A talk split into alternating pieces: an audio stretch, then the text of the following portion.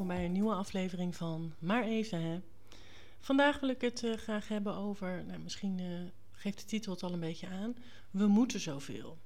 Ik heb eerder deze week ook een um, post op uh, Instagram gezet met daarin de vraag: wat doe jij nou eigenlijk puur en alleen voor jezelf? Ik merk dat, nou niet alleen mensen van mijn generatie, maar ook mensen van mijn generatie, laat ik het zo zeggen, zoveel van zichzelf moeten of het idee hebben dat ze van een ander iets moeten. We moeten werken, daarbij moeten we altijd um, maar, maar meer uh, hoger, beter, beter betaald, langere uren, um, promotie maken.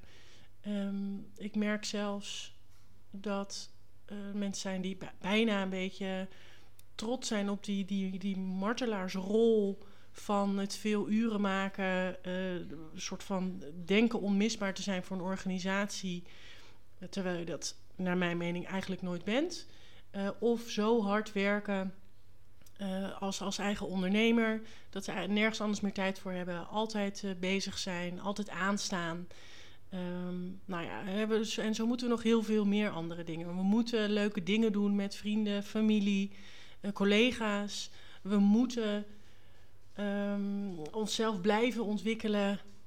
Maar ja, waar doe je dat dan eigenlijk voor?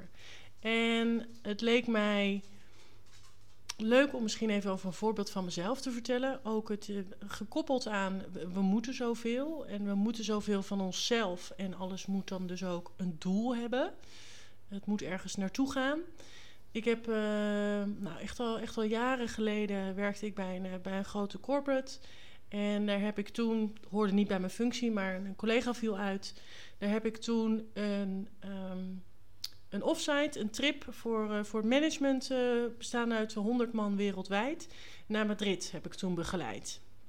Ontzettend leuk. Uh, mooiste hotels, mooiste restaurants, flink aanpoten. Maar het was, was een hele leuke Um, hele leuke uh, afwisseling eigenlijk van het werk dat ik, uh, dat ik normaal deed. En het werd ook ontzettend gewaardeerd. Nou, dat is al leuk. En uh, tijdens die twee, drie dagen zal het geweest zijn, was er ook een sessie van een health coach.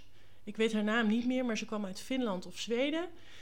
En zij vertelde nou ja, hoe je gezond kan blijven, zodat je, wel gekoppeld aan business, zodat je het beste uit jezelf kan halen op werk. Uh, maar ook nog uh, energie over kan houden voor privé. Nou, noem het maar op. En uh, zij, zij had toen een, een, hele sessie gegeven. En toen kreeg iedereen die aanwezig was bij die, ehm, bij die twee dagen, twee, drie dagen in Madrid, die kreeg een gratis coachsessie met haar aangeboden. En dat hield eigenlijk in dat je ging, ging kijken naar je, je eetpatroon, je slaappatroon, hoe voel je je gedurende de week. Um, nou, en daar zou zij dan naar kijken en, uh, en tips en tricks over geven.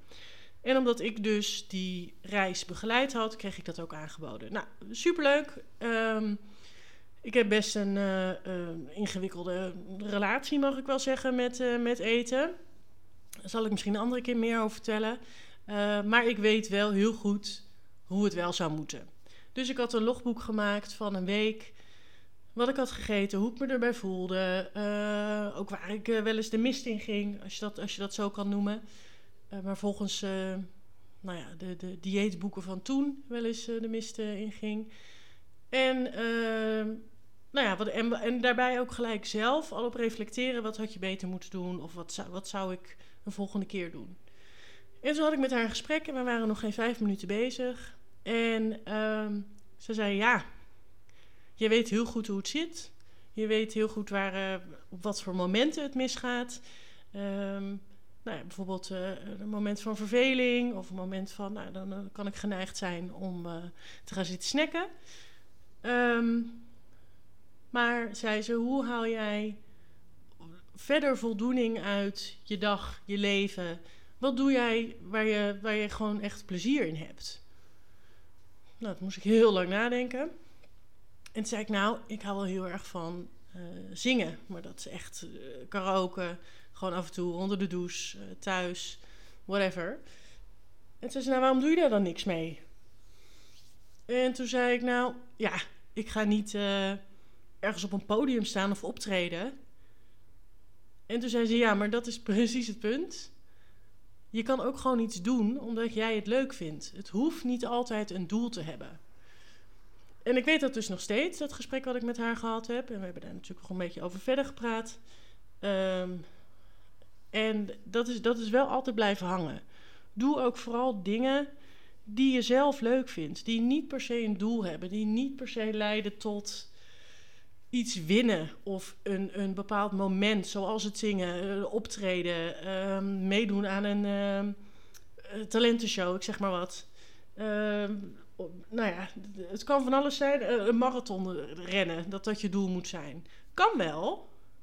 En het is ook helemaal prima. Dat moet je ook zeker doen als dat iets is wat je wil en als dat iets is wat je wil bereiken.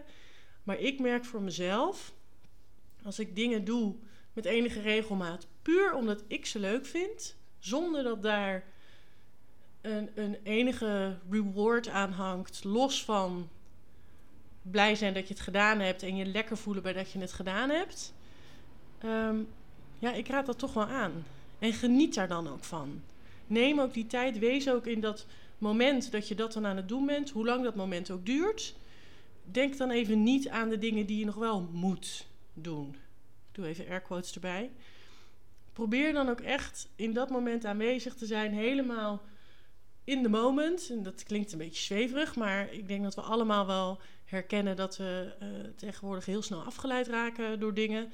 Toch weer even uh, je telefoon pakken of even denken over wat je nog in huis moet doen of wat je morgen of, of later op de dag nog qua werk te wachten staat.